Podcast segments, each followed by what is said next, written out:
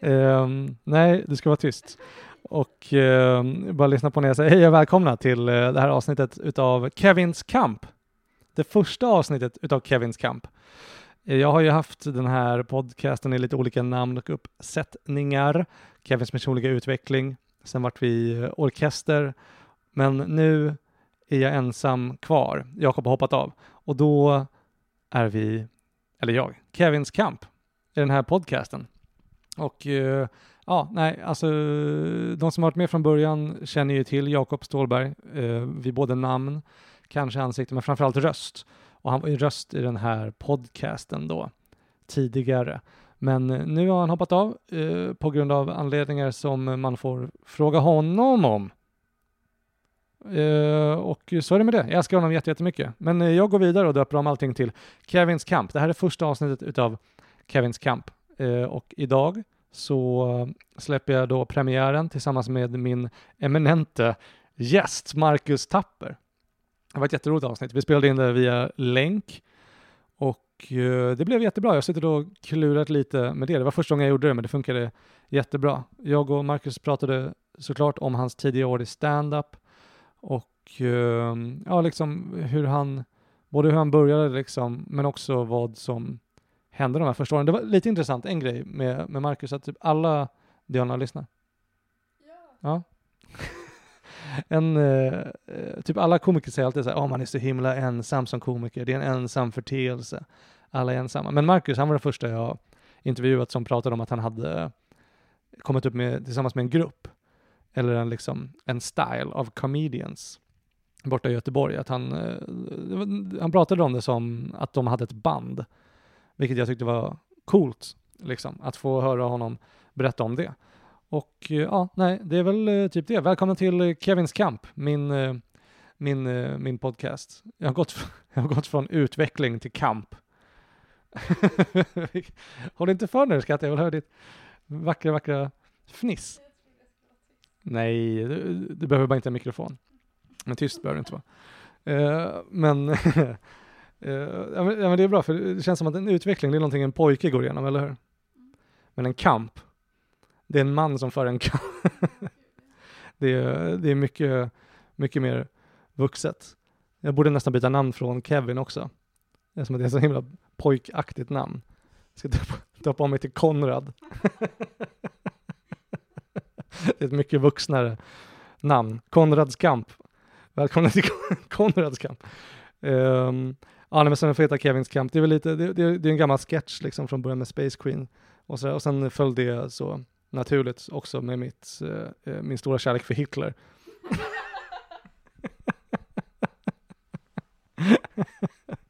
och Knausgård. Tusen tack för att ni har kommit så här långt. Om ni eh, är intresserade så finns det ett bonusavsnitt med Marcus och många, många fler på min eh, Patreon som, eh, ja men nu borde den vara patreon.com snedstreck eh, Kevins kamp. Eh, jag upprepar, eh, patreon.com snedstreck Kevins kamp. Där kan man gå in, stötta det här och få tillgång till massa bonusavsnitt med både mig eh, och sen senare kommer jag, eh, mig, Marcus Tapper och eh, så kommer jag släppa fler och fler avsnitt och där finns det redan avsnitt med Johannes Bränning, eh, Simon Gärdenfors, Johannes Finnlaugsson, Lovisa Henriksson med mera. Och eh, annars så kolla in avsnittsbeskrivningen så kan ni kika in Marcus eh, senaste special. Där kan ni också hitta min, eh, min Instagram, KevinXRex Följ mig där för mer uppdateringar om stand-up. Uh, njut av avsnittet. Tack!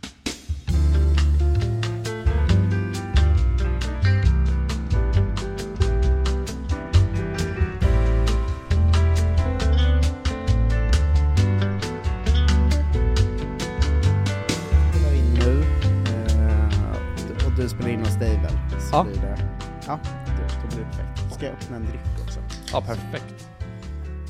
Nu är det bara att köra. Ja, men nice. Uh, vad har du gjort idag förresten?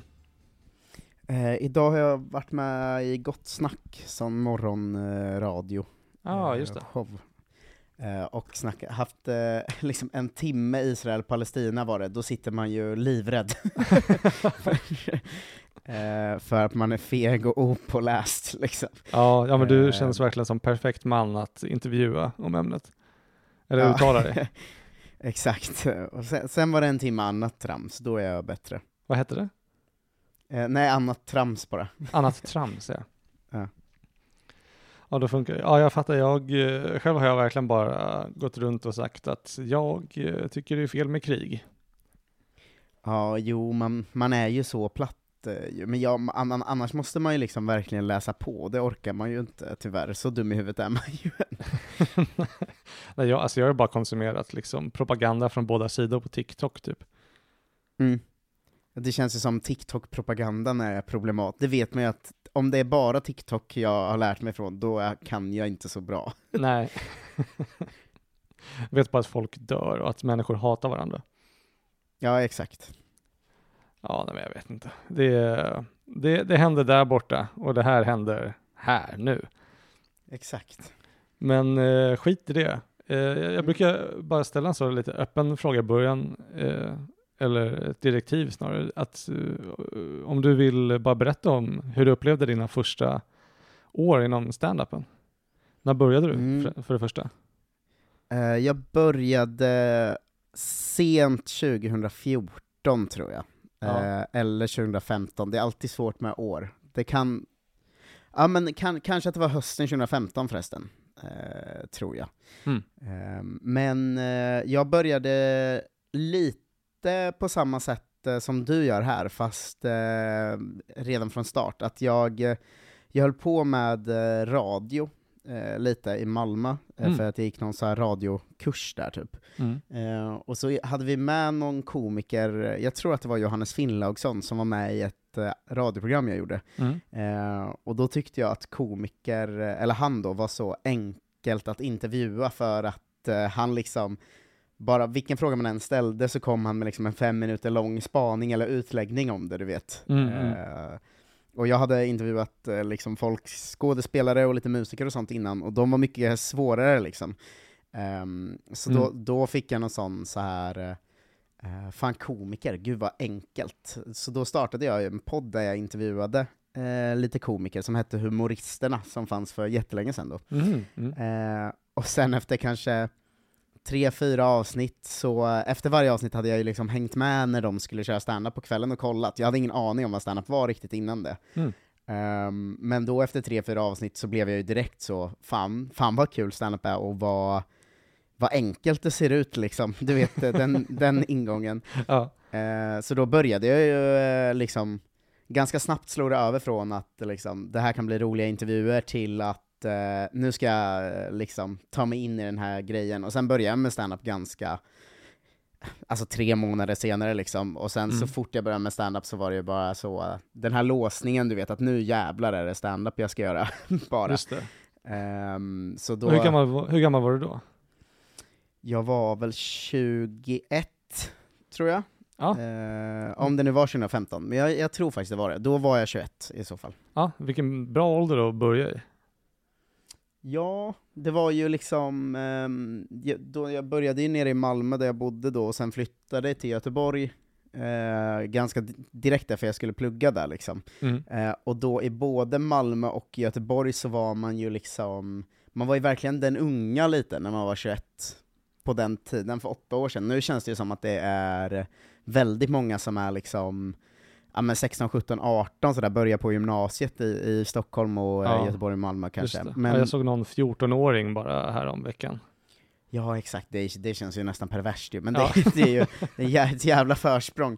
Men, men då var ju 21, eh, jag var ju liksom en ung komiker då. Ehm, Mm. och sen, visst, i, i Göteborg fanns det några i, som till och med var något, några år yngre kanske, och i min ålder sådär, men det var, vart ju mycket att vi var liksom det unga gänget verkligen.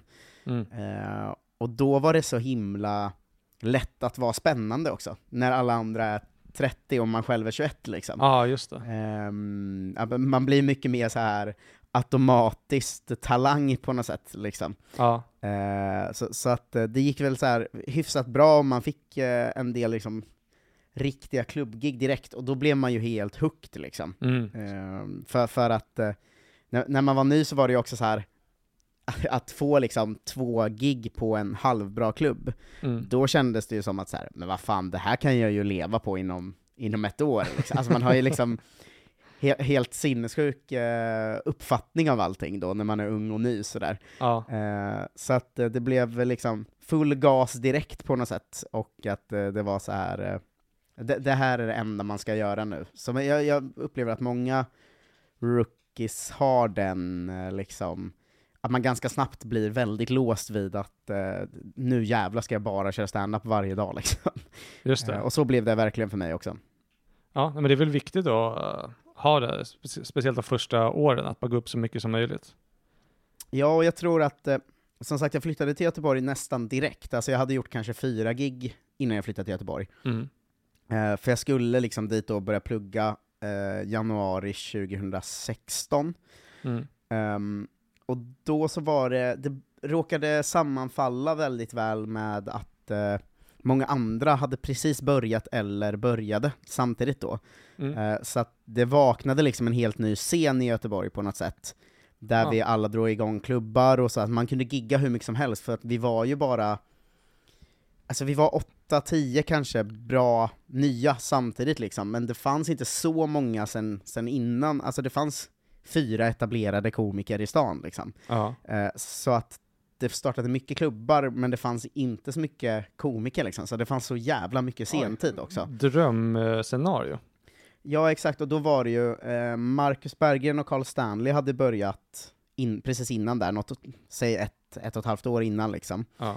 Eh, och så fanns det Filip Hjelmér som fortfarande driver klubbar i Göteborg och sånt, och Mm. de hade liksom börjat bygga någon slags liten grund, och då liksom Samtidigt nästan så flyttade Hampus Algotsson som driver ståuppklubben dit, um, Evelyn Mock började hänga mer där igen, Emma Knyckare flyttade hem till Göteborg, Mm. jag började med stand-up, Isidor Olsbjörk hade börjat dra igång, eh, Tina Bergerus började, John Gillberg började, det kom liksom ett sånt supergäng liksom Ah, på, på en gång. Ja. Eh, så då var det liksom som att vi var så här: vi är vi tio, vi kör alla klubbar, eh, och vi är liksom, ganska snabbt blev vi ju ganska bra för att vara en rookie-generation, för att vi var så många som började i samma veva och hjälpte varandra och giggade jättemycket liksom.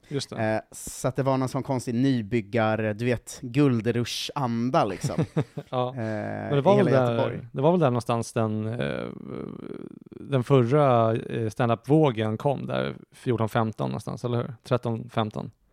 Ja men så var det var väl vi som kom i svallvågorna av att eh, stand-up blev populärt på grund av poddar typ. Ja, exakt. Eh, för det känns som den stand-up-branschen hade börjat booma jättehårt, så att när vi började var det sån himla eh, nedförsbacke liksom. Alltså det var Ja. väldigt lätt, lätt att få dit publik och så. ja. Eh, för att det känns som att tack vare kanske så här. Eh, jag vet inte, alla mina kamrater och TS Knas och alla de poddarna liksom, Mm. så var liksom, gemene man var väldigt så här, oj, stand-up verkar kul, Mm. liksom. Det. Eh, så det kändes jättelätt att, att få dit publik och så. Ehm, jag vet, vi startade Pandora då, hösten 2016, Mm. eh, som var väldigt inspirerad av Underjord i Malmö, men där grejen var liksom, vi går inte ut med några namn, eh, det kostar en hundring, men det är jättebra komiker varje gång liksom. Mm.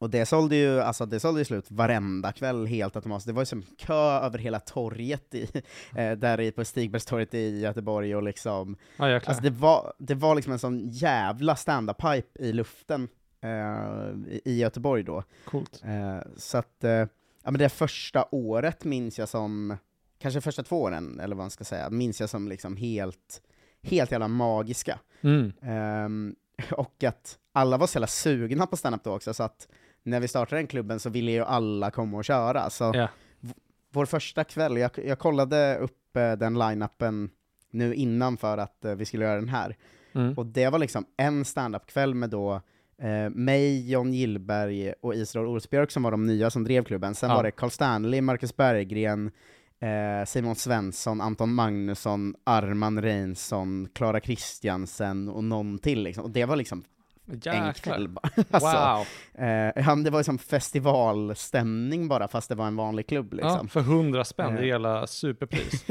Ja men verkligen. Eh, och det känns som att det var ganska mycket så i Göteborg då, att det var den här liksom, det här är nytt, spännande, alla tycker det är så jävla kul, Mm. Eh, man liksom, alla pluggade eller var så pass unga att man liksom, man hade inte så mycket krav på liksom levnadsstandard eller annat på gång heller. Just det. Eh, Så att alla sågs ju liksom typ varje dag och satt och skrev skämt och eh, drack väldigt mycket öl och sen gick och gigga på kvällen liksom. Så att det, det kändes som att det var bara en grundhype liksom, kring, kring allt Mm. man gjorde på något sätt. Fan vad coolt. Jag, kom, jag började tänka, jag spelade ju ganska mycket i, i band. Ja men det var väl också där 15-16 någonstans. Mm. Och det var väl lite samma sak, att då hängde man ju med sina, med sina boys liksom och bara repade, repade varje dag och hängde och skrev låtar och drack bärs och dylikt Mm. liksom.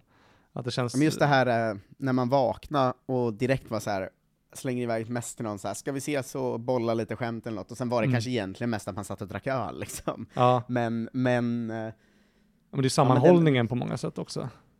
ja, och jag tror att det, så här, det där kan liksom bara hända om det råkar vara så att det är rätt i tid, det Mm. finns eh, förutsättningar och alla råkar vara unga och börja med samma grej ungefär samtidigt liksom. Just det. Eh, att alla stjärnor måste liksom stå, stå rätt på något sätt. Mm. Eh, så att, ja men det första 2016 året då minns jag som liksom, ja men kanske typ den roligaste perioden jag någonsin har haft liksom, för att det var så, så himla liksom, alla var så igång bara.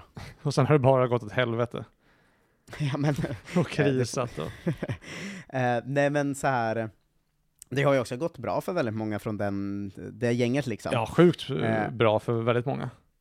Ja, men sen, men sen blir det ju väl lite att eh, spola fram tre år så börjar ju någon flytta till Stockholm och någon flyttade till Malmö och eh, allt Mm. var inte så kul längre för att man var tvungen att liksom tjäna pengar eh, snarare än att liksom vara 20 och hypad liksom. Ja, just det. Ehm, men jag tror att, eh, jag är väldigt glad i efterhand att jag började, eh, började så pass eh, ändå ung, eh, för att då, då har man ju liksom möjligheten att bara ha kul i ett par år först, innan man måste liksom skapa ett riktigt liv av det, eller vad man Satsa. ska säga. Ja, just det.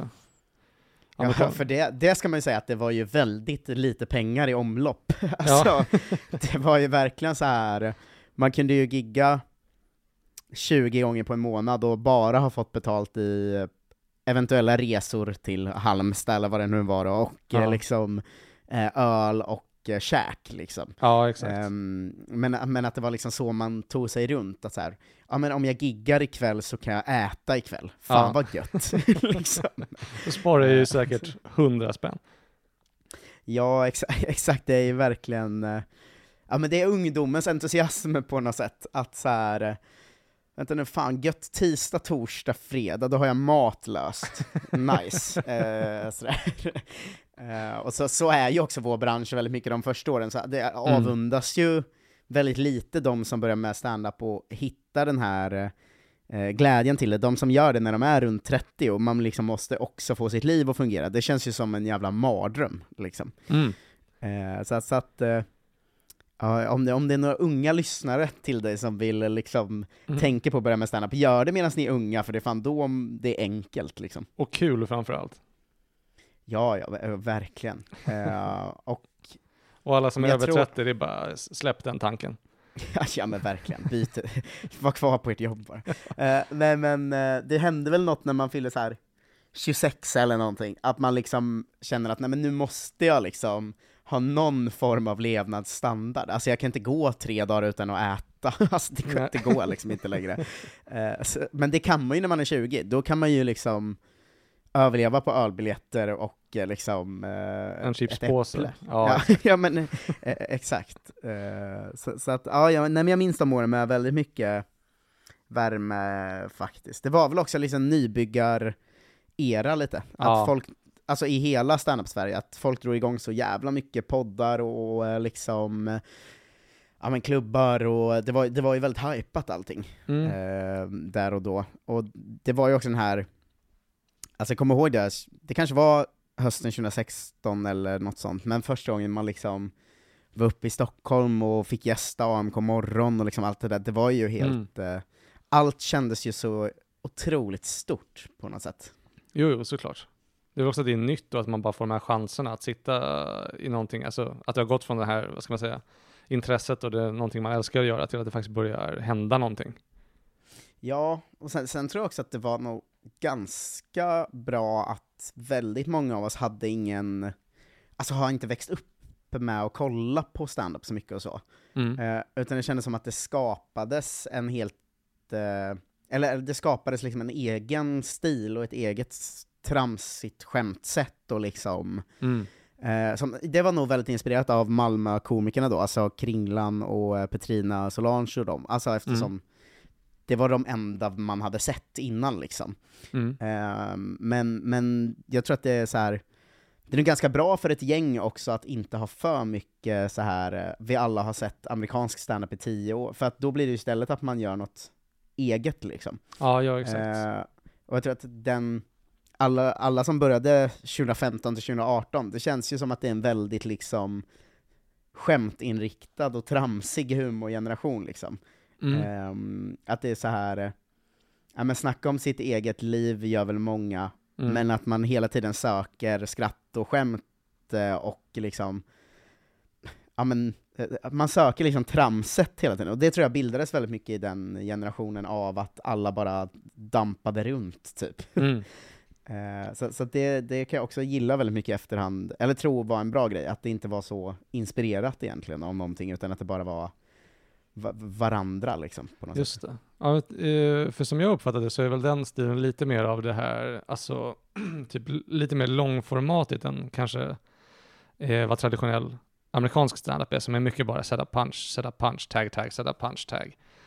Så liksom. Mm. Att den är, och att den kanske inte har så mycket att göra med eh, varken, eh, eller inte med en själv liksom, utan mer kanske fenomen eller kulturella händelser. Och, Ja, eh, det är väl, det känns ju som att någon där eh, tog liksom mycket inspiration av liksom Louis CK-grejen tror jag. Att Ja. det liksom, just det. My kids are assholes. stand-up. Ja, ja men exakt, mer berättande stand-up än punchig stand-up liksom. Just det. Eh, och det var väl samma, alltså åren innan där i Stockholm, när Nissa Hallberg och Ahmed Beran och de, säg fem, fem år innan jag började liksom. Mm. Eh, det känns ju också som att det är väldigt mycket den stilen, så att det, kom, det var väl säkert någon som hade varit uppe där och hämtat inspiration också liksom. Mm. Ehm, men jag, jag, det känns ju som, visst det finns ju några som kör så här one-liners och så liksom, men överlag så känns det ju som att det är väldigt mycket så här nu berättar jag om grejer jag tänkt på i mitt liv, men har liksom lagt in skämt i det. Eh, Ja. Så, Eh, så det, det har det nog, ja, det är inte den am- traditionella amerikanska standupen liksom. Nej, nej exakt. Men, eh, alltså, eller hur skulle du beskriva den eh, stilen annars? Alltså som då typ K eller, eller Petrina hade. Var det det då, att det är mer berättande? Eller? Ja men Kringlan, eh, eller K som han numera ska gå under. Ja, Han var, Eh, han var han- K när jag lärde känna honom, så. men jag, ja exakt. jag förstår vem Kringlan jag- är också. Jag var med på liksom sista, k- kanske sista halvåret som Kringlan, så precis när jag hade liksom lärt känna honom så bytte han. Var eh, Lurigt såklart. Och du bara vägrar anpassa dig? Exakt. Eh, nej men det var väl, hans är ju lite svår, för den är ju mer, eh, alltså han kan ju gå upp och liksom prata en kvart om ost eller något så. Alltså det, det, det känns ju som att det är väldigt liksom nonsens, eh, fast extremt roligt bara. Alltså han känns ju väldigt eh, tramsig. Ja, han körde eh, lite på crazy-stilen också. Ja, exakt. Petrina kan ju köra mer eh, korta, riktiga, alltså traditionella one-lineriga skämt liksom, men hon är ju också väldigt tramsig. Jag tror att det, det, Mm. det förenas ganska mycket i mitt huvud i att folk söker humorn och skrattet snarare än eh, liksom tänkvärdheten på något sätt. Ja, just det, just det. Ehm, Ja, för det var ju en stor alltså- grej på amerikansk förut, att det var ja, men modern day philosopher-grejen. Ja, det kändes som att det var, nej, nej det var ju kanske mycket det Malmögänget vi hängde med när vi började, om man ska säga att vi hängde med någon. Mm. Eh, liksom. Och jag har bilden av att inställningen där var väldigt mycket så att Stockholmshumorn nu är så himla liksom eh, ja, men politisk eller tänkvärd, och det var mycket så här Schyffert, var inte rädda och sånt liksom. Just det. Ehm, och Ja, men- även typ Soran och Soran, Magnus ja. Mm. eh, hade ju då en period som var väldigt eh, liksom politisk, eller man ska säga. Mm. Eh, och det känns som att det var en sån himla liksom, att vi lärde oss av Malmögänget att så, här, så ska man inte vara, det är töntigt liksom. Man ska Mm. vara så här. Det ska bara vara eh, rått och, och skämtigt sådär istället liksom. Ja, men inte så allvarligt. Nej, och sen så här, det där är också en rookie-grej väldigt mycket, att, tycker jag. Att Mhm. man, när man var ny, bestämde sig för att så här, jag gillar den här typen, och då ska jag vara väldigt anti allt annat liksom. Ja, just det. Ehm, för, alltså jag var ju verkligen så här, i början pissjobbig liksom, att jag var ju väldigt mycket såhär, skulle, skulle kanske håna Norra Brunn och Mårten Andersson och allt sådär väldigt mycket för att jag skulle vara cool och något annat liksom. Ja, man eh, positionerar sig lite.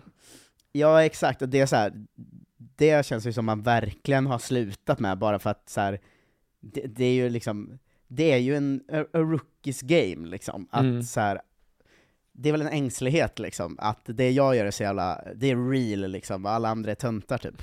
eh, och sen växer man ju liksom upp från det. Jag kan, jag kan- kan eh, ganska ofta tänka så här, gud vad dumt att jag var, när jag var ny skulle vara så här, håna alla i, i Stockholm till exempel jättemycket, för det är ju de som är branschen. Alltså, Ja. det, det, är ju, det är ju jättedumt att liksom vara den nya tuffa och göra sig ovän med alla som man kan behöva senare liksom. ja, och som man antagligen Eh, kommer behöva också. Ja, jo men exakt. Eh, så att, så att, eh, men så var det ganska mycket. Det känns som att vi hade, det kanske är på ett sätt är bra också att ha en självbild av att man är en motreaktion mot någonting, även om det inte riktigt är sant, för att då, då, då kör man jävligt hårt på sin grej liksom. Ja, det är ju Eh, bränsle. Ja, men exakt. Och om man måste intala sig själv att bränslet är så här, vi är något annat än stockholmarna är liksom, Mm. då kan ju det, det kan väl också vara ett bra, alla bränslen är väl bra bränslen på något sätt liksom, även om det i efterhand känns ganska töntigt och ängsligt liksom. Ja, men alla, om, om man inte kollar tillbaka på sitt liv och tycker att man var världens största tönt, då eh, lever man inte korrekt. Ja, det är ju faktiskt det enda dåliga med att börja som ung. Att man är ju ganska töntig som ung. Ja. Eh, I sitt liksom ständiga sökande efter att vara ball, liksom. Ja, just det. Ehm, så så att det, det, motsatsen till tipset börja som ung är tipset börja inte som ung, för du kommer vara en jävla tönt. Eller du är en jävla tönt. ja, ja, men exakt. Ehm, nej men så, ja, om man ska sammanfatta vad det var för, eh, vad, vad var frågan ens? Vad, vad, vad, vad det var för typ av humor, men att det hela tiden sökte efter eh, trams liksom. Ja. Det, men det tror jag att jag gör fortfarande, alltså, nu, min standup, nu pratar jag jättemycket om mitt egna liv och mina kriser och vad det nu är liksom. Mm. Men jag tror ändå att det, oavsett hur, eh, eh, om det är världsläget, att allt går åt helvete, eller om det är att mitt liv går åt helvete, så landar man liksom ändå alltid i trams och, och skämt snarare än i, i seriositet liksom. Just det. För din, eh, jag var och såg den nu, eh, din och Tengvalls eh, eh, föreställning Kris, som var Mm. eh, utsökt för övrigt. Men, Tack så jättemycket. men eh, det var ju, trots att den har den titeln, liksom, att det ska vara den här, ja, men, som du sa, världsläget och att allting går åt helvete samtidigt som man själv krisar, så var det ju inget tillfälle där du satte dig ner mitt i och berättade om att du döv i ena örat eller någonting. Nej, exakt. Det var ju big laughs rakt igenom. Ja men eh, tack, vad glad jag blir. Men, men det är ju, eh, det är väl också så här. eh, eller alltså vi pratar ju ändå om samma grejer. Alltså hade vi gjort Mm. den föreställningen för 15 år sedan kanske man hade satt sig ner och pratat om att man har äh, ångest över att man inte är ung längre, eller man är ledsen över hur världen har gått sedan 2019, eller whatever. Mm. Men nu så har man liksom inte den stilen, utan att man pratar om exakt de sakerna, men det slutar alltid i eh, skämt istället. Liksom. Mm. Ehm, så att det, det är ju någon slags, eh, det är väl bara ett annat sätt att ta sig an de sakerna, liksom, på något sätt. För jag, jag har också varit Mm. med och jobbat med eh, komikern Erik Sporongs föreställning i år. Ja, Eh, Just det. jag- Eh, Guds eh, bästa barn eller något. Ja, exakt. Jag, det var ju, Ja. jag regisserade den föreställningen och var med och jobbade med manus. Och Okej. den, har ju, den har ju seriösa partier på riktigt, liksom. Mm. Eh, så att jag kan ju också tycka att det finns något i det, liksom, men det är bara inte min stil på något sätt. Nej, jag Eh, fattar. Så. Eh, man, jag vet inte, det är väl också en ängslighet, att man är så här. Gud vad töntig jag skulle känna mig Ja. om jag liksom släckte ner lyset och pratade seriöst. Liksom. Att jag, jag har inte, jag, jag är för ängslig för att klara av det tror jag. Det känns det. liksom som att man tar sig själv på för stort allvar på något sätt. Liksom. Och eh, så fort man har minsta lilla känslan av att nu känns det som att jag tar mig på allvar, då blir man ju direkt så wow, nej, wow, släpp det nu, woo! Ja. Eh, liksom. Det. Eh, och det, det är också superängsligt eh, såklart, egentligen. Ja, men det är bara den ständiga jakten på vad, vad ball, liksom. Ja, hela ens livs, livsjakt alltså, att vara den balla. Men det är ett, det är ett nobelt mål trots allt. Men, eh, men jag tänker för, alltså, för som jag har sett det, att de, de flesta, liksom, alltså spe- speciellt den eh, för, förra generationens liksom, eh, eh, komiker, ja men typ Batra eller eh, Mm. Schyffert eller vad som helst, de, eh, det, känns som att många av de här liksom, som startade med stand-up comedy och sen eh, blir ganska stora och kanske folkkära, sen drar de ut på nya turnéer. Då är det nästan som att de börjar göra humorföreställningar snarare än stand-up, om du fattar skillnaden. Mm. Att det kanske blir lite mindre laughs per minute eh, och eh, kanske lite mer tunga ämnen. Det, är inte så himla liksom skratt eh, tungt. Ja, alltså det finns ju, det finns ju två sidor av det där på något sätt. Um, alltså nu händer det ju ändå, alltså om man kör på Norra Brunn så, så jag körde där i veckan tillsammans med David Batra, Ja, Eh, så ett bra exempel, men då inför kan man ju tänka att så här, ja, jag vet inte riktigt hur Batra eller Schyffert är liksom, för de känns som något så annat än man själv liksom. mm. Men sen när man väl kör ihop så är de alltid hur bra som helst. Alltså, ja okej. de, de är ju så jävla bra när de kör på klubbar, och de är otroligt tajta och liksom, eh, ja men de är, de är ju superbra på stand-up liksom. Ja, Men jag tror bara att det de gör när de väl gör en föreställning är ju mer, det är ju liksom det folkliga på riktigt. Att stand-up är ju inte folkligt. liksom. nej, nej. Eh, Det som är folkligt är ju att verkligen två timmar med paus och kanske lite powerpoint och kanske lite annat liksom. Mm. Men, men det är lätt att glömma då också att de är ju bra på det för att de först blev så jävla bra på stand-up liksom. Ja, just det. Ehm, och det är där jag menar att så här, ja men när jag började då, då, kan, då skulle jag absolut kunna säga att fy fan vad dåliga Schyffert och Batra är liksom, vilka töntar, de, de är inte real liksom. Mm. Men, men sen när man väl, när man väl första gången giggar ihop med någon av dem, bara man här, de är ju tusen gånger bättre än jag är. Alltså de är så jävla bra på stand-up. Ja, Eh, så det är ju också liksom en, en sån väckarklocka, att så här, det kan ju finnas en anledning att de är så jävla folkliga och gör de här extremt stora showerna, och den anledningen Ja, är ju att de, att de är så himla, himla bra liksom. ja, Ehm, och sen, sen samtidigt så, när man ser dem köra på en vanlig klubb, alltså då kör de ju som man själv gör. Då är det ju grovt och tramsigt och liksom allt det där, mm. men de är väl bara publikanpassade liksom. Jo, exakt. Det är skillnad när man har den här två timmar eh, showen med sin publik och eh, 20 minuter på Norra B. Ja, jo men exakt. Eh, och, och det är så här, alltså jag förstår min egen impuls när jag var ny, att tänka att så här, gud vilka tråkiga jävlar de här kändisarna är liksom. Mm. Det är väl också bara att Eh. de är gamla ens egna ögon. Ja, liksom. men, ja, men exakt.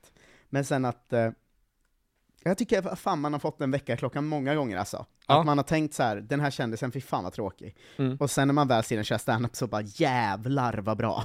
Ja, liksom. ja gud. Jag hade Eh. exakt den med, med Al Pitcher av alla människor. Och det Ja, var han är ju helt otrolig ju. sinnessjuk live. Alltså, Ja, men- jag stod liksom med, med hakan i golvet när jag såg honom första gången. För det var Ja, liksom... och sen ska man ju, ja, alltså, man har ju lärt sig ändå att förstå att film, avfilmad standup man ser på tv liksom. ja, just det. Att det är ju alltid så jävla mycket sämre än det Ja. är live. ja, men det går Dålig reklam jämföra. för att jag precis har ett filmat klipp utav eh, Nej men, eh, men jag menar, jag tror att man också har den så här, man har kanske sett eh, Batras show på tv typ, Mm. och så har man tänkt så här, fy fan vad mycket sämre det där är än när jag såg eh, Carl Stanley på en standupklubb. Ja, men liksom. på Ridå i Göteborg eller vad som helst. Eller på Pandora. Ja, ja, men exakt. Men sen när man väl ser, alltså jag vet inte, det är ju bara att det är helt olika saker liksom. Mm. Eh, att, och det, det tror jag också att många som inte har koll på svensk standup, alltså typ mediefolk eller så som ska berätta att svensk standup är så jävla dåligt sånt, Mm. eh, de har ju oftast kanske bara sett det inspelade formatet och så säger de att ja men fan vad Össe är tråkig liksom. Ja, just det. Eh, men sen är man så, men alltså gå ner och se Öss på Norra Brunn, typ. Alltså, eller gå ner och se Öss om han kör på underjord någon gång, eller whatever, då kommer det ju vara svinbra liksom. Ja, ja, gud ja. Ehm, så att det har man ju lärt sig att fatta med åren, liksom, Ja, gud ja. Jag kommer, jag säga. det var ju lite därför jag gled in i stand-up överhuvudtaget också. Som jag nämnde, jag var inne i band och sådär liksom, och jag kände mig ganska driven i det i början. Alltså jag ville verkligen, i, i början så var vi fyra grabbar som träffades fem dagar i veckan och bara repade i eh, sex, åtta timmar om dagen. Mm. Och sen efter ett tag så följde det bort för att folk började skaffa jobb och andra intressen och jada, jada, jada. Hela den Mm. biten. Och sen har jag bara liksom sakta men säkert gått mot att, för jag gillar när det händer saker hela tiden liksom. Och stand-up är ju så himla här, live, n- live and direct just nu liksom. Och Mm. att man har det här, eh, det här alternativet att kunna gå upp liksom varje dag i veckan om man, om man känner för det och bara få någonting att hända. Och det är ju verkligen, alltså en riktigt bra eh, stand-up kväll, det går inte att jämföra med något annat jag har upplevt kulturväg liksom. Nej, det är liksom, det är liksom hysteri på ett annat sätt. Att, ja, ja, men det är ju eh, ren galenskap. Ja, men att rummet är liksom så här. här inne nu är det så roligt att det kommer aldrig gå att förklara för någon liksom. Mm. Ehm, alltså jag bara tänker på det om man har hört ett kul skämt och ska citera det för någon typ. Det går ju inte, alltså det blir ju aldrig kul då. Nej, Eh, för, för att det är något med den liksom helt psyksjuka stämningen i ett rum som är eh, omöjlig att ta Och sen tycker jag också att stand-up blir ju tråkigt på tre veckor. Alltså, det var dessutom, när Ja. vi hade gjort klart vår turné nu och filmat av den, mm. då var jag ju såhär till klippan att jag bara, "Du, vi, vi måste ha ut det här inom två veckor, för sen är det, inte, sen är det, sen är det liksom inte kul det längre. är för sent. Eh, och det, ja men exakt, det är ju en, verkligen ens känsla av även sin egen standup tycker jag. Att Ja, ja. det så här men det är också där tjusningen finns, att man måste ju liksom skriva nytt varje vecka, alltså annars går det ju liksom inte vara bra. nej, Eh, nej. Och det är ju också en jävla generationsskillnad. Alltså Mm. de, säg 90-talskomikerna, ja, alltså nu är ju till, exempel Bettner är ju bäst i Sverige på att skriva nytt fast han har kört eh, hur länge som helst liksom. Mm. Ehm, så att det finns ju undantag såklart, men många av dem kör ju liksom samma skämt som de gjorde 97, och det blir ju direkt så här. du vet, nu för tiden kan man ju få cancer av chips typ, man bara, men det, det har man ju kunnat i 25 år. Alltså det, det är liksom, det. det blir ju helt, helt värdelöst som skämtingång liksom. Ja, gud. Eh, och det, det tycker jag också är tjusningen, liksom. Att eh, det är helt omöjligt att veta nu vilken så här typ av skämt som kommer vara kul om ett år. Liksom. Ja. Eh, och det, Mm. det, är ju, det har ju något som, som eh, kulturform, liksom, för ingen annan kultur är ju så ny varje gång man ser den. Ja, liksom. exakt. Så dagsfärsk. Ja men exakt, och det, det tycker jag ändå, det, det är väl något man första åren blev så jävla förtjust i. Eh, när man upptäckte att, efter ett halvår typ, när man började testa nya saker, Mm. Eh, och, och blev helt... Eh, ja, men man blev ju liksom besatt av att skriva nya skämt då, tycker jag. I, nu, nu tycker man ju mest det är jobbigt att man måste göra det. Men, men då liksom, första tre åren sådär, ja, alltså det fanns ju inget som drev mig mer än att liksom skriva nytt då, typ. Mm. Ja, men för det är ju den bästa känslan när man eh, säger någonting högt för första gången och det får liksom den, det högsta skrattet man har fått hittills. Ja, och, alltså, när man kör standup och någon i publiken är så här ropar typ eh, Lasse Winnerbäck, för jag har haft ett gammalt skämt om honom.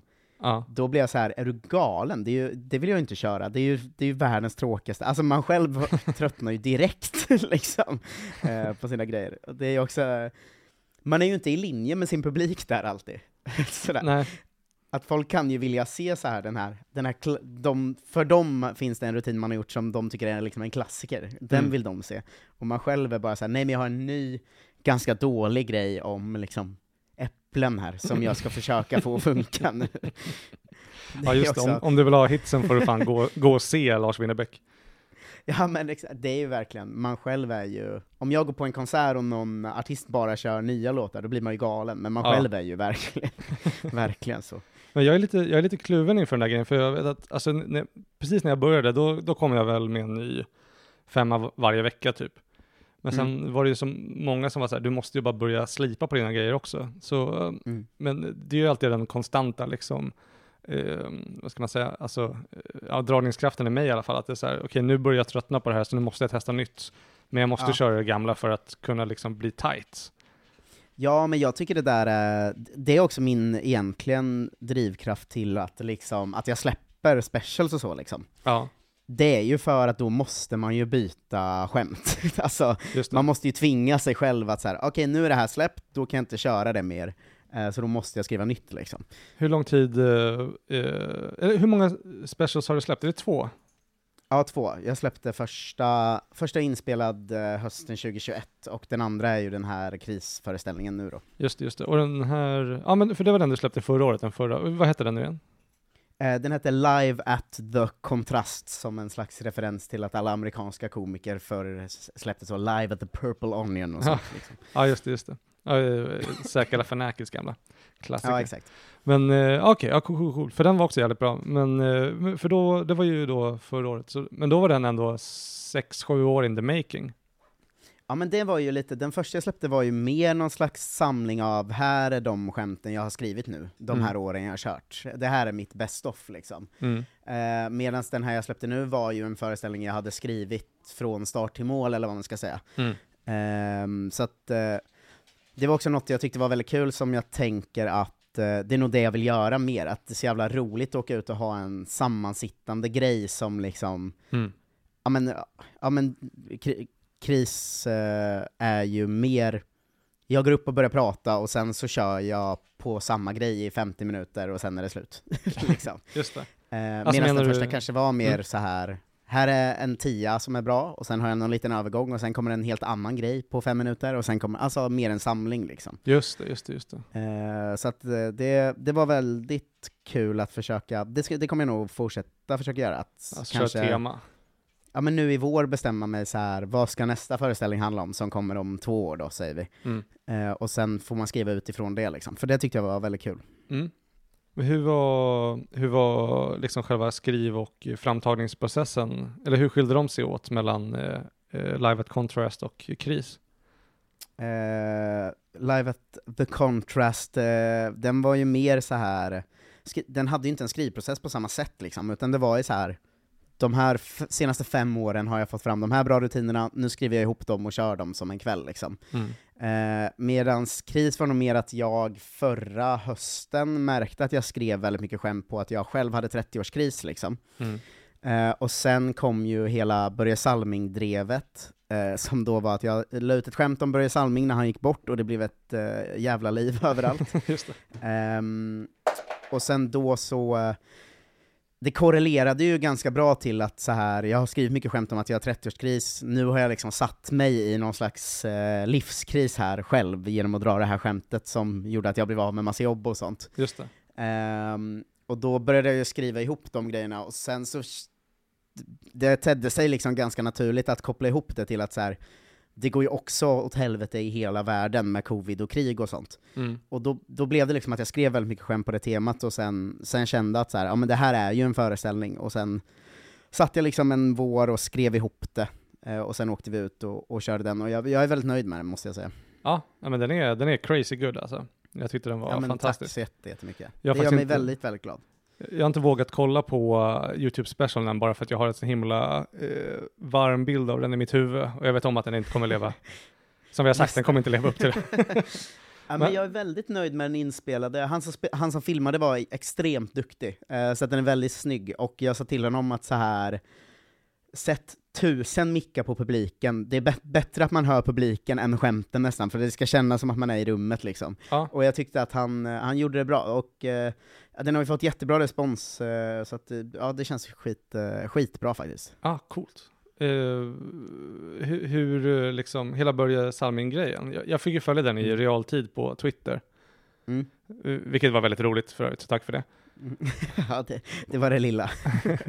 Och sen, eh, eh, men, men känner du liksom, för, för nu i alla fall eh, verkar du ganska un, o, vad heter det, unfaced av det, oberörd.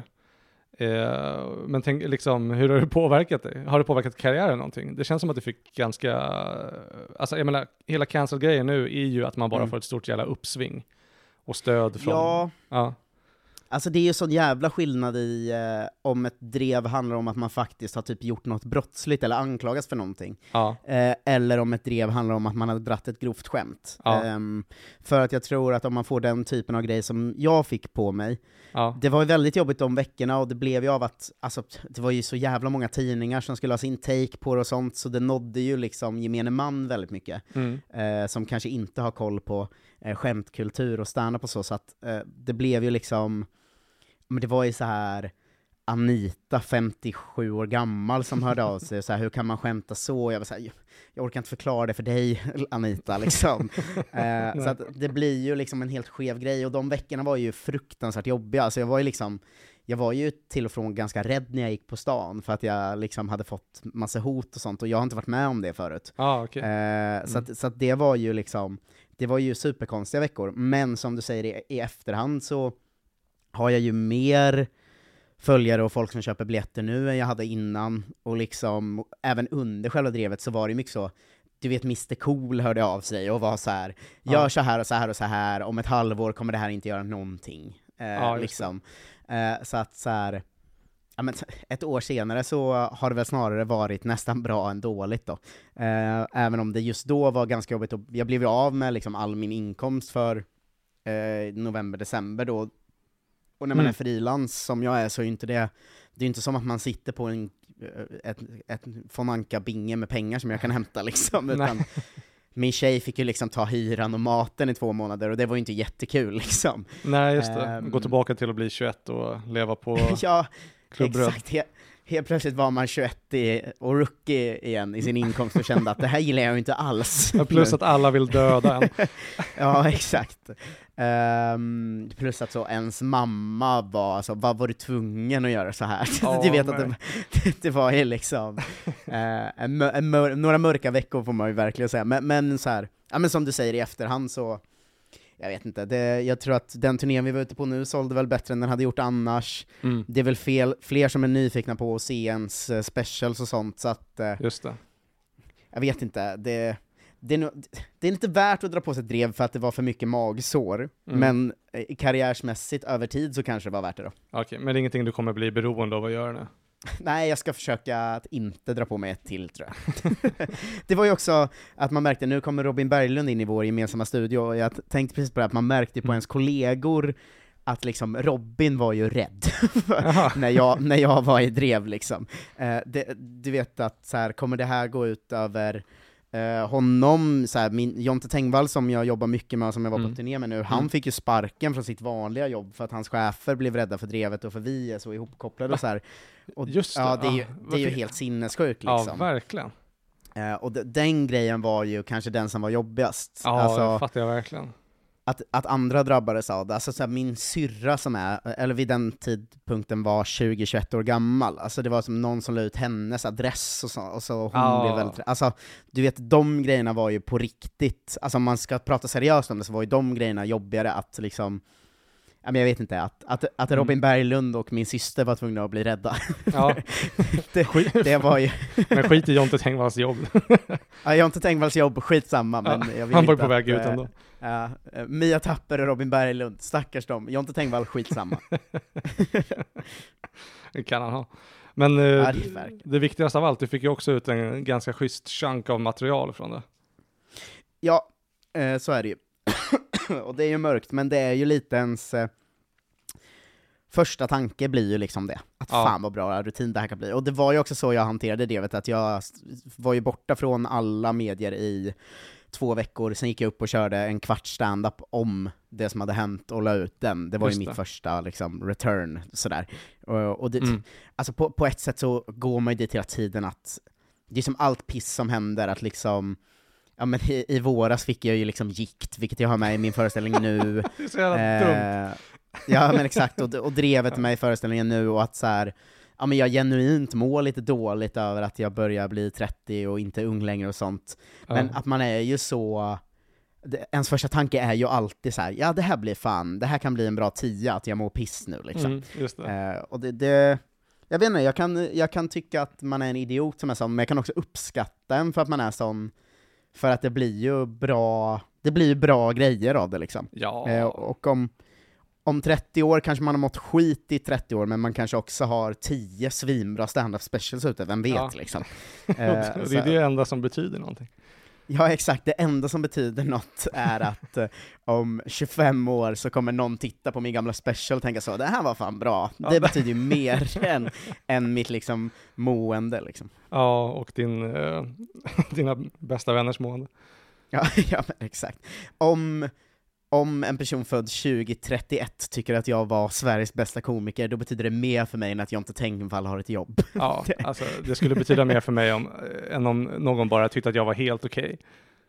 ja men exakt, om någon tycker jag är helt okej, är jag liksom beredd att tappa relationen med min mor.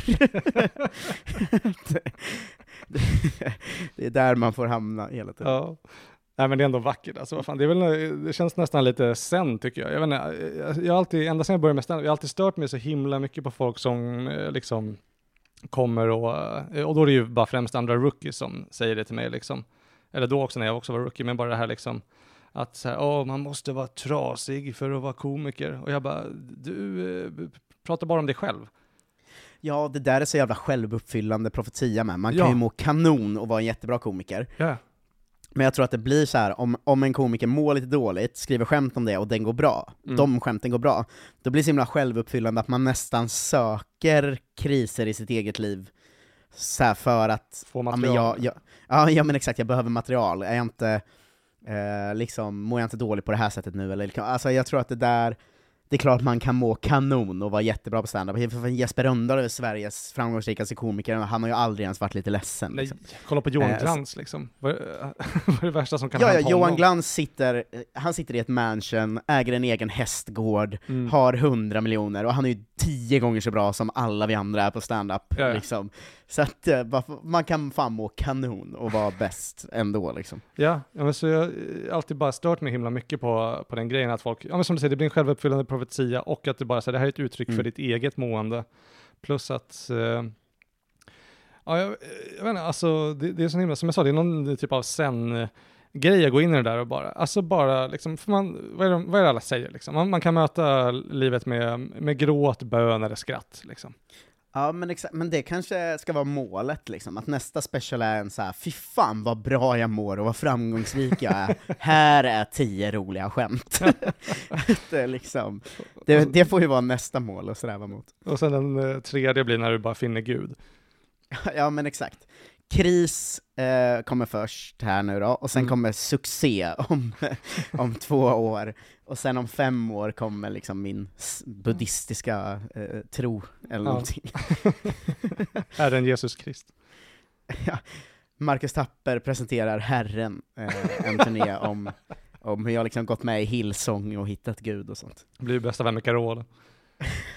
Ja, det är för sig, jag känner ju, eller så här, har börjat via att vi har, eh, jag har intervjuat honom en gång, har jag blivit lite, lite, lite tjenis med Carolas son. Det kanske kan vara min ingång till Ja. eh, utnyttja den här liksom fotbollsspelaren i BP, som hennes son är då, Ja. eh, att liksom utnyttja honom till att få lite, lite kyrka i Ja. mitt liv. En tredje fantastisk special. Mm, där jag och Amadeus Sögaard eh, åker på turné ihop och pratar om att spela fotboll och hitta Gud. Ja, oslagbar kombo. Exakt. Ja, men coolt. Jag... Eh, eh, fan vad ballt. Jag, eh, jag, eh, tänkte, jag tänkte bara, jag går tillbaka lite i tiden nu igen. Mm. Eh, jag tänkte för, ja, vi har pratat lite grann om din stil, liksom, hur du hittat den och sådär. Men eh, skulle, skulle du säga liksom att du hade, eller att du har haft ett spår du har kört på ända sedan, alltså de tidiga åren med en stil och sen att den har bara utvecklats eller experimenterade du mycket eller hur, hur kom du till Mm. att bli Marcus Tapper du är idag? Jag har nog alltid varit eh, ganska tramsig i mitt uttryck liksom. Mm. Eh, men sen i, i början så körde jag ganska mycket liksom, jag vet inte, antihumor och kanske hånade stand-up lite och var väldigt så här. Ja men det kanske går i linje med det att man vill vara liksom tuff när man är ung liksom på något sätt. Mm. Eh, och jag tror att det, egentligen så ligger väl den jättes, jättestora skillnaden nu mot när jag var ny är väl att jag för några år sedan upptäckte att liksom köra självbiografiskt liksom. Mm. Eh, att, att gräva i mitt eget eh, liv och min relation till eh, mina föräldrar, eller min uppväxt, eller hur jag mår nu, eller eh, du vet, sådär. Mm. Och Jag tror att det förändrade väldigt, väldigt mycket. Ehm, så att eh, nu skulle jag ändå säga att jag som, som komiker är ganska hudlös, liksom. Alltså jag pratar ändå mest om riktiga känslor och riktiga relationer på scen, liksom. Eh, Ja. även, om, även om det som sagt alltid landar i, i trams och skämt, så Mm. s- så skulle jag ändå säga att det är väldigt, det är väldigt få saker som händer mig, eller som, som jag är med om, eller som jag tänker på i relation till min släkt, eller vad det nu är, som, som jag inte tar upp på en scen. Liksom. Mm. Eh, och det, jag, vet inte, jag brottas ändå en del med det, typ så här att eh, hur, mycket, hur mycket ska man berätta om en gammal vän när man kan riskera att det faktiskt blir dålig stämning på riktigt, eller så här. Jag skämtar till exempel om min morfar som har gått bort i den här föreställningen, och det är Mm. så här, Mm. vad fan tänk om min mamma tycker det är jobbigt, eller du, du vet alla de där grejerna. Mm. Men det är nog så här.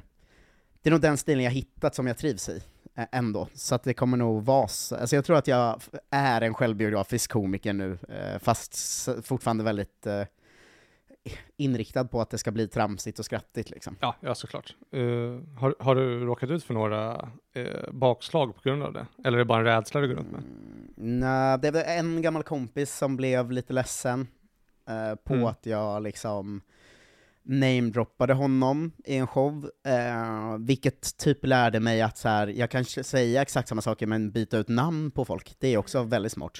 Ja, liksom. Ehm, så, sådär och eh, jag vet inte, men jag har blivit lite, när jag typ ska prata om saker som är allvarliga inom min egen familj till exempel, eh, Mm. då har jag nog ändå börjat kolla det med mina föräldrar först, till exempel och så. mm. Ehm, skulle känns det okej för dig om jag skämtar om det här? Eh, till exempel hade jag sk- skämt nu om en släktings eh, Alzheimers och så då, då kollade jag ändå med eh, min mamma om så här, känns det här okej för dig att jag har med i, när jag släpper det sen? Eh, liksom ja, ja, det är ingen, det är ingen idé att Ehm, fråga släktingen. Nej, nej, han är ju, har ju gått bort då tyvärr. Ja, Eh, med. men, eh, men, nej men det, alltså, man, man kanske blir lite, man får väl ändå, det, man vill ju inte bli den här som liksom, jag vet inte, Knausgård, han är ett exempel på det, du vet, Mm. skriver om alla i sin närhet och till slut inte har några relationer kvar, men har släppt tio spännande böcker, typ. alltså det känns ju, Just det. där, där vill man ju inte hamna riktigt heller liksom. Nej, bara byta familj var, efter varje bok man släpper. Nej, men, eh, exakt. Eh, så att, ja men jag är nog, jag är nog...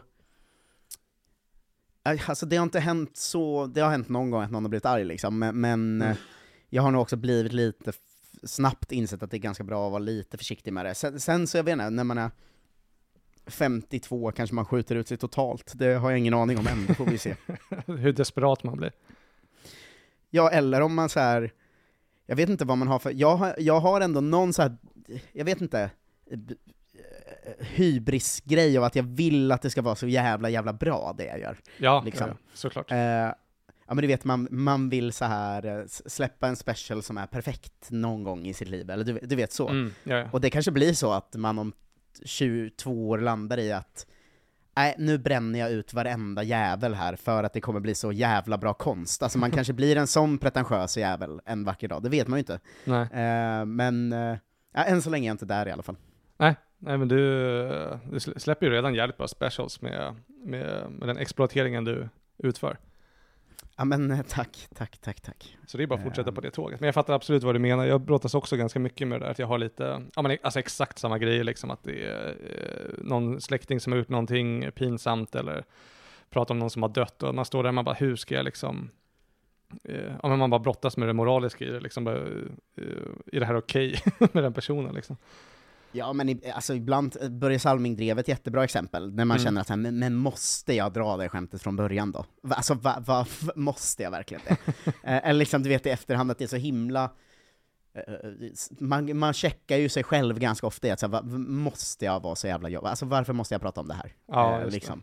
Ehm, och så, så är det väl ofta, men av någon konstig anledning måste man ju det. Så, att, så att, eh, det får, då får man väl ta att någon blir arg ibland också. Ja, ja, det är väl bara rimligt. Mm. Eh, jag, tänkte, jag vet inte, vi har inte pratat om det innan, men måste du kila iväg snart eller har du tid för en Patreon? Eh, nej, men jag kan köra en stund till. Inte jättelänge till, men en stund till. Ja, nej Det är men, eh, är det, är det okej om vi glider in i Patreon-delen nu då? Ja, men kör. Nice, då... Eller får jag säga först att eh, all, varenda person som lyssnar måste kolla på Kris på Youtube, för den är gratis. Ja, ja, det får du säga och jag, eh, Skönt. och jag ställer mig bakom det uttalandet och säger att Yes. man bör kolla på den om man har någon form av självrespekt. Ja, det är en bra uppmaning. Om du någonsin ska kunna se dig själv i spegeln igen, så får du faktiskt titta på Kris. Då tittar du på kris. Och jag kommer, jag kommer också länka den i eh, avsnittsbeskrivningen yes. Och, koll, och skriva kolla på Marcus utsökta special. Tack så jättemycket. Så då fixar vi det. Är det något annat du vill plugga? Eh, nej, man kan väl följa mig på sociala medier, där heter jag mitt namn, och eh, jag lägger ut ganska mycket stand-up där också. Och så Ja. eh, så att, eh, Instagram hittar man mig säkert, man hittar mig på TikTok också, men jag vet inte vad, om följa, jag vet inte vad följare där inne är ens. Följ mig hellre på Instagram. Ja, ja, ja. Ja Ja. jag pratade med Flackrim, min eh, polare, om det. Han, han blev ju ganska stor på Instagram ett tag. Mm. Eller han är väl det fortfarande, men han sa att eh, eh, TikTok inte översätts i biljetter på samma sätt som Instagram gör. För TikTok, då är det bara, ja, men då är det bara konstanta flödet, medan Instagram ses mer som en investering. Ja, men alltså TikTok är också helt sinnessjukt. Alltså så här Ja, var, varje gång man går in där så, alltså man kan ju få jättemycket folk som är glada och skriver att det är kul och mycket views och sånt. mm. Men det är också, det är också barn, och barn är ju helt galna. De säger, Fan vad ful och fet du är, en jävla hora, sluta med stand-up. Alltså, det är ju, alltså den stämningen som är bland unga människor på internet, jag förstår inte det alltså. Så man kan ju se våra kvinnliga kollegor som lägger ut eh, Jaha, stand-up. gud, gud. Ja. Alltså det är ju, barn är ju helt hemska liksom. Nej, sinnessjuka. Ja, ja verkligen. Jag, jag Så följ med, mig på Instagram. och inte TikTok. Jag, jag pratade med, med Sandra Iler om det där som hastigast förut också, och hon har ju fått supermycket hat på TikTok. Mm. Och då, eh, h- hennes man, eh, eh, som jag glömmer namnet på nu, men eh, han, han hade så skrivit ut en av de kommentarerna från någon sån eh, P12 Mm. eh, och eh, skickat ett brev till, hem till den personen. Ja den- men de har ju ingen rim och reson. Alltså Nej. om hon lägger upp ett skämt de tycker är tråkigt så kan det ju verkligen vara så här: din äckliga hora, Ja, typ. Alltså man bara du va? dör. Ja, ja, det är så jävla stört alltså. Det är crazy. Men det är fan det bästa jag hört, att han eh, bara mejlade till deras föräldrar. Ja, det är Och väldigt... sen har de skrivit någonting och bara hej, förlåt, det var inte meningen.